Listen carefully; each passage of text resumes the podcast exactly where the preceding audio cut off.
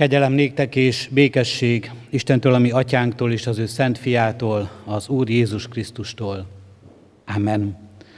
Foglaljunk helyet, testvérek! Szeretettel köszöntöm a testvéreket Szent Háromság vasárnapján, Isten tiszteletünkön. Az Isten tiszteletünk rendjével kapcsolatban hirdetem a gyülekezetnek most is, hogy eh, az Isten tiszteleteink a járványügyi helyzetre való tekintettel ehhez alkalmazkodnak. Így kérjük a testvéreket, hogy vegyék ezt figyelembe kellő óvatossággal, maszk és a kesztyű használata szabad, eh, fertőtlenítőket helyeztünk el a bejáratnál, éljünk ezekkel a lehetőségekkel, ne lepődjünk meg, és főleg ne botránkozzuk meg, ha valaki így van jelen az Isten tiszteleten. Azok, akik kísérőként érkeztek, hiszen erre az Isten tiszteletre leginkább a 65 évnél idősebbeket hívjuk, de ha valaki kísérőként érkezett, őket is szeretettel látjuk. A karzaton is különösen ajánljuk, hogy ott foglaljanak helyet a fiatalabb generáció tagjai. Szeretettel hirdetem a testvéreknek, hogy Isten tiszteleteink liturgiája is rövidebb, az énekeskönyvet sem használjuk, kevesebbet éneklünk, a kivetítőn fogjuk látni az énekeket, hogyha valakinél esetleg nincs itt az énekeskönyv. Isten segítsen minket ezen az alkalmon is az ő szent lelkével, vállaljon velünk közösséget, hogy mi is megélhessük ezt a közösséget ő vele. Zsoltár énekléssel kezdjük alkalmunkat.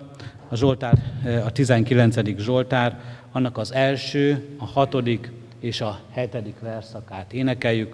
A 19. Zsoltárunk első, hatodik és hetedik versét, az első vers így kezdődik. Az egek beszélik, és nyilván hirdetik az Isten erejét.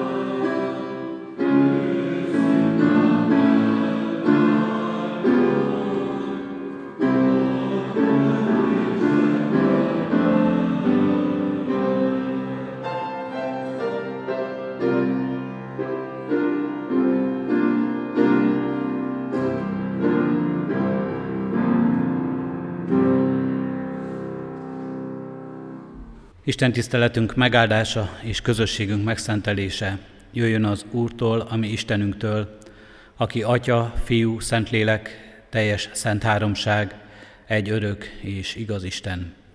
Amen. Szent háromság, egy örök Isten, hívunk és várunk téged, hogy jöjj, légy itt közöttünk. Vállalj velünk közösséget, Urunk Istenünk. Vállalj velünk közösséget annak ellenére is, hogy mi méltatlanok vagyunk erre. Mert szentségtelen az életünk, mert önzőek vagyunk, mert csak saját magunk hasznát keressük, mert saját magunk dicsőségét építjük, és újra és újra megraboljuk azt, ami a tiéd. El akarjuk venni, Úrunk Istenünk, a Te igazságodat a magunk igazságával helyettesítve.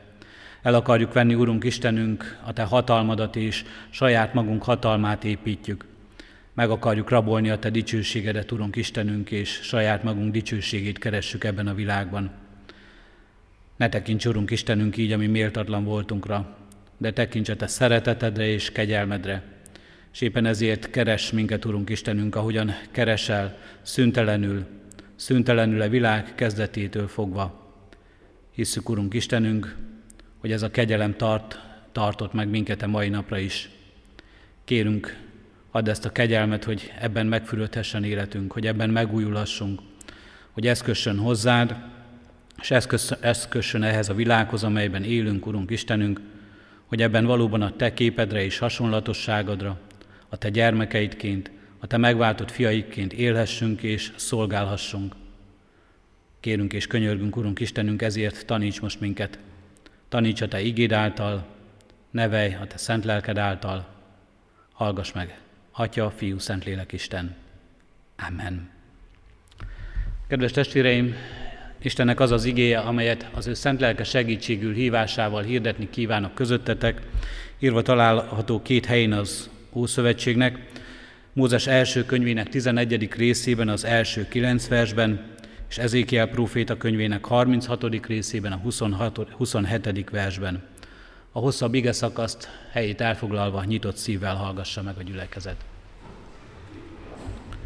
Mózes első könyvének 11. részében eképpen tanít minket az Úr. Az egész földnek egy nyelve és egyféle beszéde volt. Amikor útnak indultak keletről, Sinár földjén egy völgyre találtak, és ott letelepettek. Azt mondták egymásnak, gyertek, vessünk téglát, és égessük ki jól. És a tégla lett az építő kövük, a földi szurok pedig a habarcsuk. Azután ezt mondták, Gyertek, építsünk magunknak várost és tornyot, amelynek teteje az égig érjen, és szerezzünk magunknak nevet, hogy el ne széledjünk az egész föld színén. Az Úr pedig leszállt, hogy lássa azt a várost és tornyot, amelyet az emberek építettek. Akkor ezt mondta az Úr. Most még egy nép ez, és minnyájuknak egy a nyelve, de ez csak a kezdete annak, amit tenni akarnak és most semmi sem gátolja őket, hogy véghez vigyék mindazt, amit elterveznek. Gyertek, menjünk le, gyerünk, menjünk le, és zavarjuk ott össze a nyelvüket, hogy ne értsék egymás nyelvét. Így szélesztette szét őket onnan az Úr az egész föld színére, és abba hagyták a város építését. Ezért nevezték azt Bábelnek, mert ott zavarta össze az Úr az egész föld nyelvét, és onnan szélesztette szét őket az Úr, az egész föld színére. Ezékiel profita könyvének 36. részében, a 27. versben pedig így szól az ige. Így szól az Úr, az én lelkemet adom belétek, és gondoskodom róla, hogy rendelkezéseim szerint éljetek, törvényeimet megtartsátok, és teljesítsétek. Eddig Isten írott igéje. Kedves testvéreim, Szent Háromság vasárnapját üljük, mai ige hirdetésünk a Szent Háromság Isten kijelentésén keresztül az Isten fenségéről, dicsőségéről és nagyságáról szól, és arról, hogy mi emberek hogyan éljük ezt meg itt a Földön. Ennek az ige hirdetésnek azt a címet adtam, a honlapon való megjelenéshez mindig kérik is tőlünk, hogy adjunk címet az ige hirdetésnek, az ember akarata és Isten akarata. Bábel tornyának jól ismert bibliai története példázza előttünk az emberi akarat nagyszerűségét, nevetségességét és nyomorúságát. Nagyszerű az emberi akarat, mert engem mindig zavarba hoz ez a bibliai történet, ugyanis van ennek a szakasznak egy pozitív része, egy kifejezetten pozitív része is. Mert azt látjuk, hogy az emberek összefognak, egységben vannak. Egységben az erő, és ez az erő meg is mutatkozik az életükben. Egy nagy várost építenek. Nagyot akarnak építeni egy nagy toronyban. Azt látjuk, hogy mi mindenre képes ez az egység, az egy akarat, mi mindenre képes az összetartás, az összetartozás érzése, és ez kifejezetten pozitív üzenete lehetne ennek a bibliai történetnek. Szép és nagyon jó prédikációkat lehetne mondani erről az ige szakaszról, azzal kapcsolatban, hogy lám, fogjunk össze mi is. Lám, legyünk egy akaraton. Lám, mi mindenre, szinte a lehetetlenre is képes az ember, ha nem csak önmagában gondolkozik, hanem meglátja maga mellett a másik embert, és összefogunk. Pozitív és jó ez a gondolata, de valójában ez a történet mégis mindannyian így is ismerjük, és így tudjuk, egy negatív története az emberiségnek. Egy negatív képét adja az emberiségnek, az emberi életnek, a közösségének. Mert mindent megront valami, amit a Szentírás itt így fogalmaz meg, hogy nevet akarnak maguknak szerezni. Az Ószövetség nyelvén ez azt jelenti, hogy ők maguk akarnak a tulajdonai lenni a saját életüknek. A saját kezükbe akarják venni az életüket, maguk akarnak Istenükké válni. A saját életüket mindenben és minden részében meghatározni. Pozitív és szép lenne ez a történet, de egy nagyon fontos dolog mindent megrond, az pedig az, hogy ezek az emberek a rosszra szövetkeznek. Az isteni dicsőség és az isteni hatalom elvételére szövetkeznek, a saját kezükbe vételére. A gonoszságban egységesek. És itt már látjuk is, hogy nem mindegy, hogy az ember miben ért egyet, miben ért egyet a másikkal. Nem az egyetértés a lényeg, nem az összefogás a lényeg, hanem hogy mi célt szolgál az egyetértés és milyen cél érdekében, milyen tanítás, milyen igazság mentén fognak össze az emberek, miben szövetkeznek. Mert lehet szövetkezni a rosszban és a rosszra is, és a gonoszságban egységesnek lenni. És lehet ahhoz csatlakozni, igazodni, elfogadni, és azért tenni és azt építeni, ahogyan itt az emberek Bábel tornyát az eget ostromolva, az Istent ostromolva építkeznek. Vagy lehet ilyenkor kisebbségben is maradni. És milyen nehéz a 20. századi történelmünk, az itt lévőknek a többségének élet történelme éppen talán ezt mutatja meg.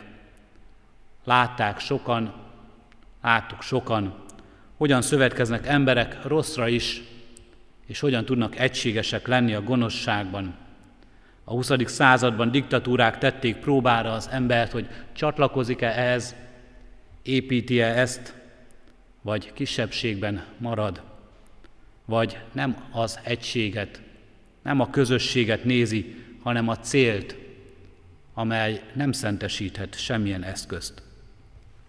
Nagyszerű lenne ez a történet egységében, közösségében és szövetségében, de mégsem az, mert megrontja a cél megrontja a lényeg.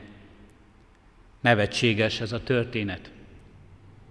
Nevetséges, itt csak félve merem azért ezt mondani, ezt a jelzőt, de mégis kimondható, mert Isten szinte így tekint erre a vállalkozásra. Számára nevetséges, amikor az ember Istent akar játszani, amikor az ember Istennek képzeli magát.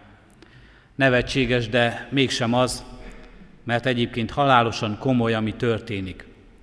Isten nevetségessé teszi ugyanezt a próbálkozást, de az ember számára mégis a bukásáról szól, és éppen ezért nyomorúságos ez a történet.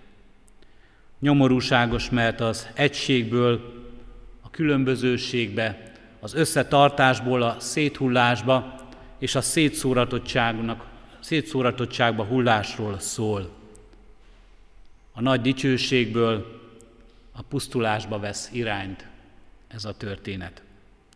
Nagy nyomorúságáról szól a világnak, az embernek, az emberiségnek. És itt érkezünk arról, hogy mi is az emberi akarat. Mi az ember akarata. A kijelentés, a Szentírás sokat tanít erről, és választhattam volna ezer másik történetet is, amely ezt mutatja be nekünk, olyat, amelyik egy-egy ember életén keresztül mutatja be, vagy amely az emberi akarat egyetemességéről szól és tanít, és azt bírálja nekünk. Ebben a történetben azt látjuk, hogy az emberi akarat az, hogy nagyra nőjön, nagyra nőni, nevet szerezni, hatalmat szerezni minden fölött, azt jelenti ez. Istenné, Istenekké válni, uralkodni, a minden hatóságot megszerezni, és a minden hatóságunkban erőnket fitoktatni. Ez az emberi akarat. Dicsőséget, dicsőséget szerezni az örökké valóságban, hogy majd fennmaradjon ez a név. Hozhattam volna sok ezer történetet, amely egyen-egyenként mutat be előttünk így egy-egy embert a Szentírásban, hogy ez dolgozik az emberben, vagy amely egységesen mutatja be így az embert. Ez az emberi akarat. Hatalmat szerezni, uralmat gyakorolni. És nem csak egy-egy gonosz ember életén látjuk ezt, akár az ismert, számunkra ismert, vagy még át is élt történelemben. Nem csak Hitlerről és Stálinról van szó, nem csak egy-egy sátáni rendszer, nemzeti szocializmus vagy kommunista diktatúra kivételes jellemzője ez. A Szentírás azt mondja nekünk, a hétköznapokban is, bennünk is, ott él és mozgat és céllá válik bennünk, a másik fölé nőni, hatalmat szerezni rajta, Istenekké válni, az Isten hatalmát megszerezni, tornyot építeni, hogy a miénk nagyobb és magasabb legyen, hogy a mi dicsőségünket jobban, mindennél jobban és hangosabban hirdesse. Ez az ember akarata. Ezt mondja ki rólunk a Szentírás, ezt mondja ez a történet, és újra és újra ezt a tükröt tartja elénk, és ezt láthatjuk, ezt az arcunkat láthatjuk magunkat, magunkról, nagyra nőni, nevet szerezni, Istenné, Istenekké válni, uralkodni, dicsőséget szerezni. Mi az Isten akarata? Először is ebben a történetben, ahogyan mondtam, Bábel történetében, ott van valami pozitívum az egységről, az összefogásról. Még erről többet is mond nekünk a Szentírás. Isten akaratában az is benne van, hogy az ember nagyján nőjön, hogy kiteljesítse tudását, hogy Isten mind jobban és jobban megismerje, hogy nagyján nőjön az erejében, hogy valóban legyen képes sok mindenre, megismerje ezt a világot, megismerje törvényeit, hogy tudást szerezzen az ember.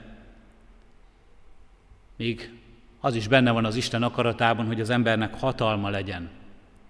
Hatalmat ad az Úristen az ember kezébe. Még az is benne van, hogy uralkodjon, de az Isten azt is megmondja, hogy mire használja hatalmát és uralmát. És ennek az a lényege, hogy vezessen, hogy megtartson a teremtés történetében, így olvassuk, hogy őrizzen, hogy gondozzon, hogy szolgáljon az ember hatalmával, erejével és tudásával. Isten akaratában mégis benne van mindez. De valójában ez a történet is és az egész Szentírás azt a világképet teszi elénk, amelyben választanunk kell, és amelyben az ember választ, választott is újra és újra. Ebben a világképben ott áll előttünk a Teremtő Isten. Ott áll előttünk a mi Istenünk.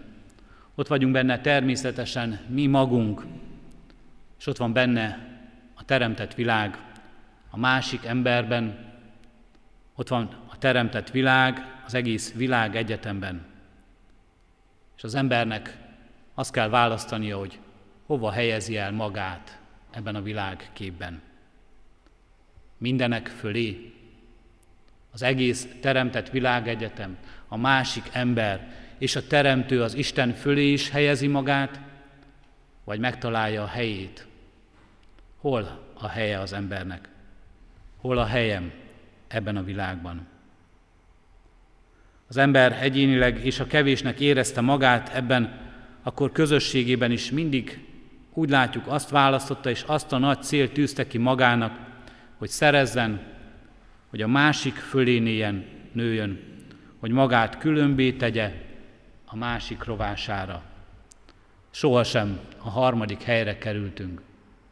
Sohasem gondoljuk azt magunkról, hogy először és mindenek előtt és mindenek fölött az Úristen, utána a másik ember, ez a világ, amelyet rám bízott az, az Isten, hogy szolgáljak abban, és utoljára én, hogy szolgáljak hatalmammal, erőmmel és tudásommal. A legtöbbször az ember azt választja, hogy én, és utána mindenki más, teremtett világ és teremtővel együtt. A 20. század elején a világban ez már-már hatalmi versengésé lett, és az egész világon odáig jutott, hogy minden nemzet fegyverrel, háborúval is, de növelni akarta hatalmát és befolyását, megmutatni erejét, kiválóságát és nagyszerűségét. Vagy fegyverrel, harccal és a másik árán, másik legyőzése árán is igazolni akarta a jussát, jogos tulajdonát.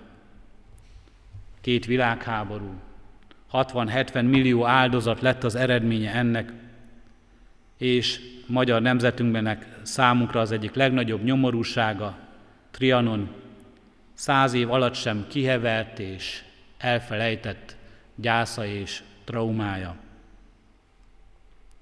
Hol van ebben az isteni akarat, és hogyan látjuk meg ebben az emberi akaratot?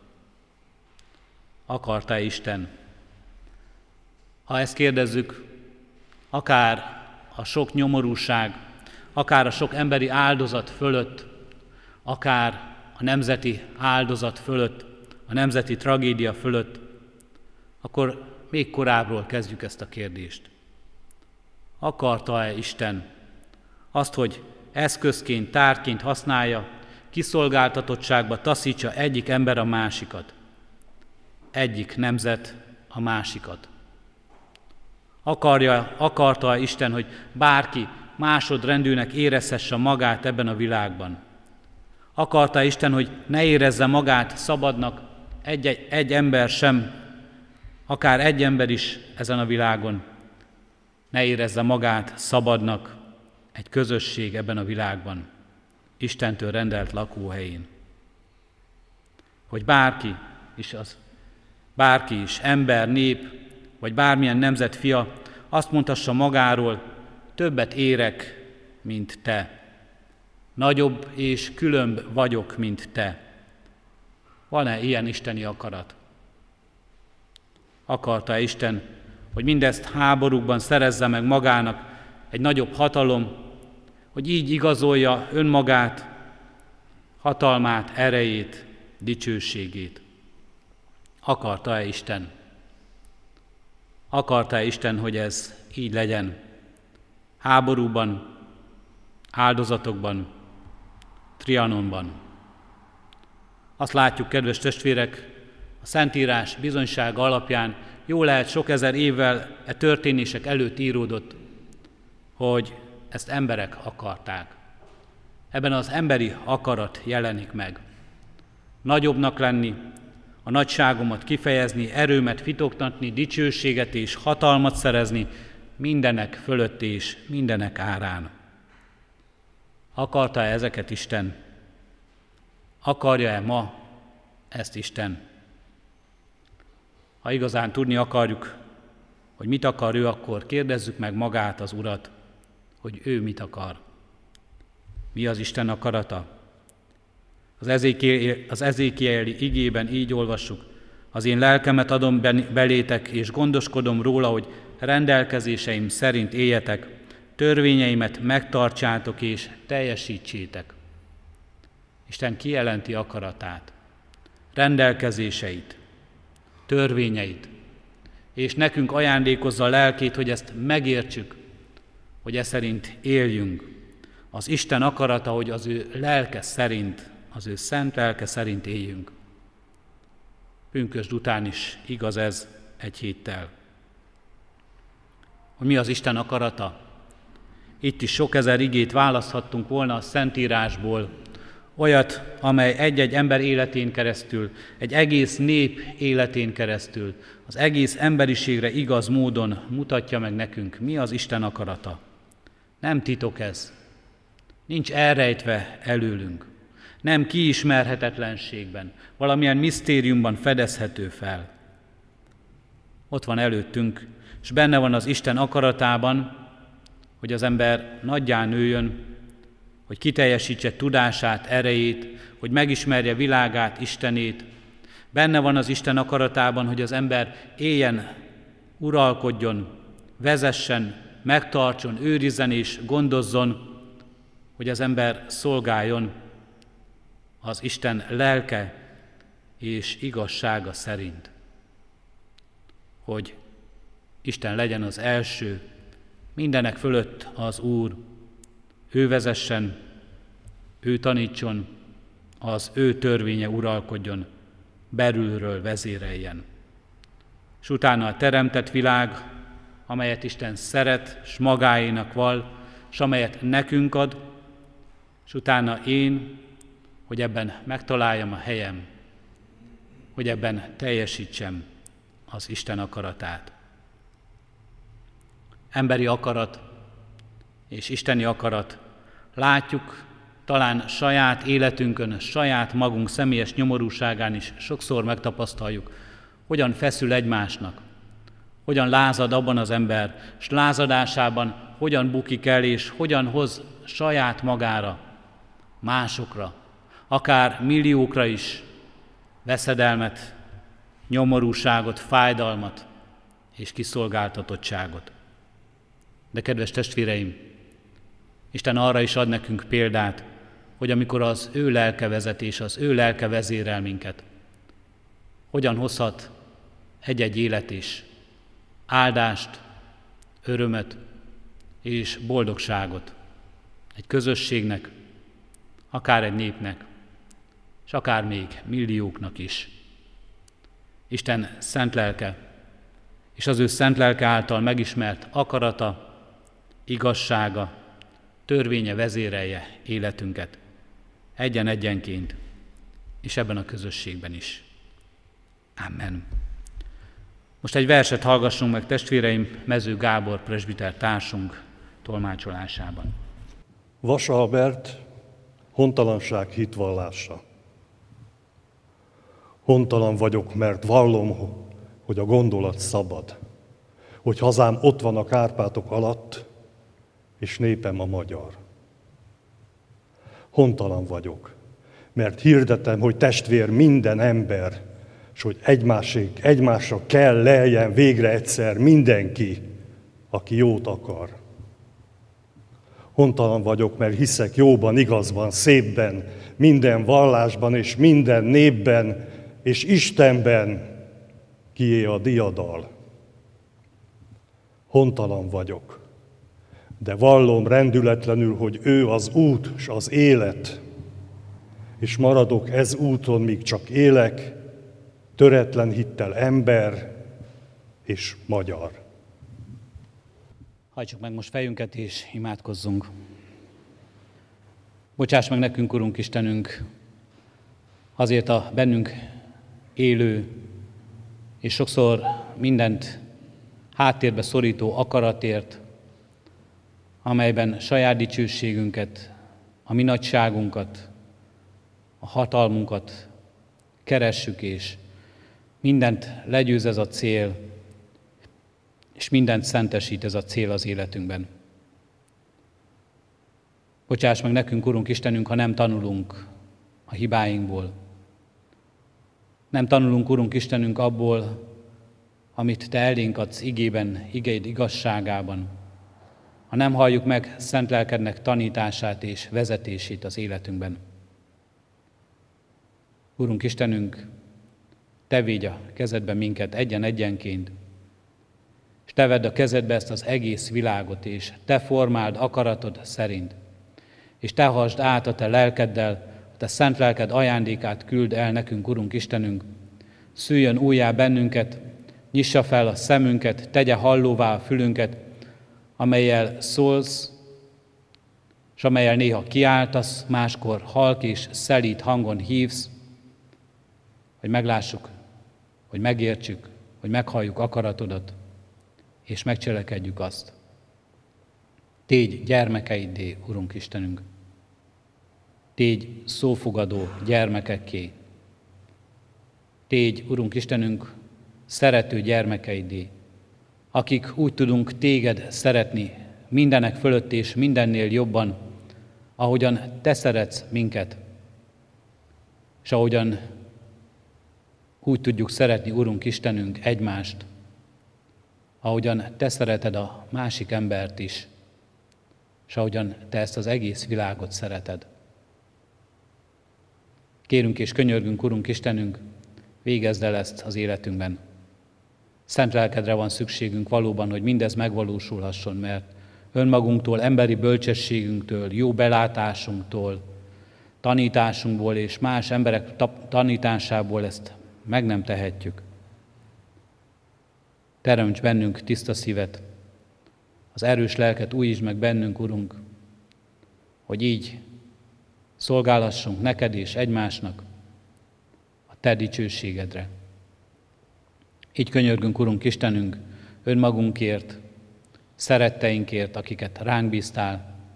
Így könyörgünk ezért a gyülekezetért, a Te népedért ebben a világban, minden bizonyság tételünkért, minden cselekedetünkért, minden szavunkért, Urunk Istenünk, hogy azt a Te lelket hassa át. Így könyörgünk, Urunk Istenünk, népünkért és nemzetünkért, határon innen és határon túl. Ez a szeretet, összetartozás erősödjön bennünk, és így tudjuk, Urunk Istenünk, egymást szolgálni jó szívvel, de így könyörgünk minden népért, minden nemzet fiáért ebben a világban. Olyan sok minden választhatna szét minket, és olyan sok mindenre lenne okunk emberileg, amelyben azt látnánk, hogy a másik ellenség számunkra. De mindezt, Úrunk Istenünk, írja felül a Te szent lelked közössége, amely közösséget teremt, amely testvéré tesz minket. Ebben adj nekünk, Urunk Istenünk, békességet. Ebben adj nekünk, Urunk Istenünk, megnyugvást. És add, hogy ezt tudjuk munkálni. A Te hatalmad, a Te erőd által, amely sokkal több és nagyobb a mi emberi erőnknél és hatalmunknál. Kérünk és könyörgünk, Urunk, hallgass meg most a mi csendes imádságunkat.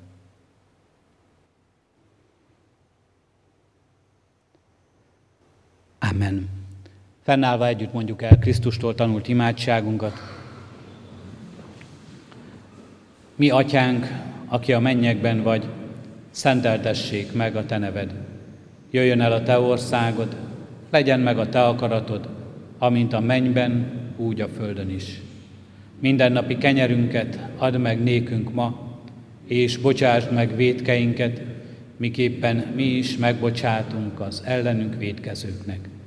És ne vigy minket kísértésbe, de szabadíts meg a gonosztól, mert Tiéd az ország, a hatalom és a dicsőség, mind örökké. Amen. Az adakozás lehetőségét hirdetem testvéreim, mint életünknek és Isten tiszteletünknek hálaadó részét. Szívünkben alázattal Urunk áldását fogadjuk. Az Istennek békessége, amely minden értelmet felülhalad, meg fogja őrizni a ti szíveteket és gondolataitokat a Krisztus Jézusban. Amen. Foglaljunk helyet és a hirdetéseket hallgassuk meg. Hirdetjük testvéreim, hogy Isten tiszteleti alkalmaink elkezdődtek a gyülekezetünkben. Minden Isten tiszteleti helyen tartjuk az alkalmakat. Itt a belvárosban, itt az új kollégium dísztermében 9 órakor, 11 órakor és 6 órakor, a Völkeltelepi imáházban fél kilenckor, a Széchenyi városban fél tízkor, a Petőfi városban is, az SOS faluban fél tízkor, a katonatelepi templomban háromnegyed tízkor, Kadafalván itt időszakossá vált ez az Isten tisztelet az aktuális szabályok betartása mellett fél tizenegykor, de itt figyeljünk a hirdetésekre, mert nem minden vasárnap van még Isten tisztelet. Bízunk benne, hogy az Úristen megengedi, megérjük, és rövidesen a templomunkat használatba is vehetjük. A felújítási munkálatok gyakorlati része úgymond befejeződött, a papír munkákat végezzük, használatba vételi engedélyre is várunk többek között, de egy ilyen nagy munka után ez is időt vesz igénybe. Kérjük még a testvérek türelmét, mihez lehetőség lesz rá, anélkül, hogy nagy és ünnepélyes átadást tennénk, mert ezt most nem tehetjük meg a jelenlegi helyzetben, eh, de meg fogjuk nyitni a templom ajtajait, és mihez lehetséges, ott tartjuk majd az Isten tiszteleteinket. Ebben valóban most még mindenkitől türelmet kérünk, eh, és figyeljük majd a híreket és a hirdetéseket, imádkozzunk ezért a hajlékért továbbra is. Kérjük a testvéreket, hogy otthon egyéni csendességünkben emlékezzünk meg a gyászolókról, Imádkoztunk Osán Imre 82 éves elhunyt korában, elhunyt szerettük egy gyászoló testvéreinkért. Halottaink vannak Ági Lídia, 86 évet élt, június 8-án, holnap hétfőn, 3.4.10-kor lesz a temetése. Kocsis Pálné Cséplő Jolán, 97 évesen hunyt el, szintén holnap, 3.4.11-kor lesz a temetése. Házaslandó jegyes párokat hirdettünk, első ízben hirdetjük Jakab Tamás, szolnoki születésű református ifjú jegyezte, Ordasi Ágnes, kecskeméti születésű református hajadont. Farkas Tamás, kecskeméti születésű római katolikus ifjú jegyezte Kovács Adrien, kecskeméti születésű református hajadont. Másodízben hirdetjük Kaposvári Kornél Gábor jegyezte Dugár Katinka Magdolnát. Isten áldja meg a tervezett házasságokat. Adományok érkeztek az elmúlt héten, a templom felújítására 454.520 forint, eddig összesen mintegy 23 millió forint érkezett a templom felújítására. Még várjuk továbbra is az adományokat, szeretettel biztatunk mindenkit, hogy eh, tegyen, tegyen adományt, vagy aki ezt már megtette, biztasson másokat is eh, erre a környezetében. Szükségünk van még a templom felújítására, bár ahogy említettem, a munkák elkezdődtek, de az elszámolása, templom felújításnak ez még folyamatban van és tart, és az adománygyűjtést még ebben az évben eh, mindvégig szükséges fenntartanunk. A Széchenyi Városi Misszióra 204 ezer forint érkezett, persejpénzek átutalással 196.560 forint. Köszönjük mindazoknak a támogatását, akik, amikor nem tudtak jönni Isten tiszteletre, akkor is átutalással, akár egyházfenntartó járulékon keresztül, akár persejpénz utalásával támogatták gyülekezetünk szolgálatát. Kérjük is a testvéreket erre, az ehhez szükséges adatok megtalálhatóak a hirdető lapokon. Kérjük, hogy amikor ilyen történik, ha átutalással fizetnek, akkor mindig a közlemény rovatban tüntessék föl, hogy fenntartói járulék és kinek a nevére szól, vagy persejpénz, vagy milyen befizetés történik. A szolidaritási alapra 168 ezer forint, egyházközségünk azoknak a munkatársaknak, sőt gyülekezeti tagoknak a megsegítésére is, akik a járvány helyzetben veszítették el munkájukat, és anyagi gondokkal küzdenek, egy szolidaritási alapot hoztunk létre, erre is várjuk a támogatásokat. Egyházfenntartó járulékon keresztül 38 ezer forint érkezett az elmúlt héten. A reggeli áhítatok és a bibliaórák eh, újra indításáról még folyamatosan egyeztetünk. Az egyházon, országos egyházon belül is folyamatos a kapcsolattartás ezügyben. Kérjük a testvéreket, figyeljék a híradásokat, mindenképpen hír, híradással leszünk, minden fórumon, amikor ezek az alkalmak is újra indulhatnak. Előre láthatólag június 14-től kezdődnek ezek az alkalmak. Így hirdetem, hogy június 15-én, hétfőn 5 órakor az énekkar már próbát tarthat Ótenre terembe. Minden kórustagot szeretettel vár újra Kántor úr ezen a próbán. További hirdetéseinket a hirdetőlapon megtaláljuk, vigyünk magunkkal egy-egy példányt ebből, és tájékozódjunk így is gyülekezetünk alkalmairól és híreiről. Isten tiszteletünk zárásaként a 370. dicséretünket énekeljük, mind a három versével, a 370. dicséretünket, mely így kezdődik, Jövel, Szentélek, Úristen, törzsbé szíveinket éppen.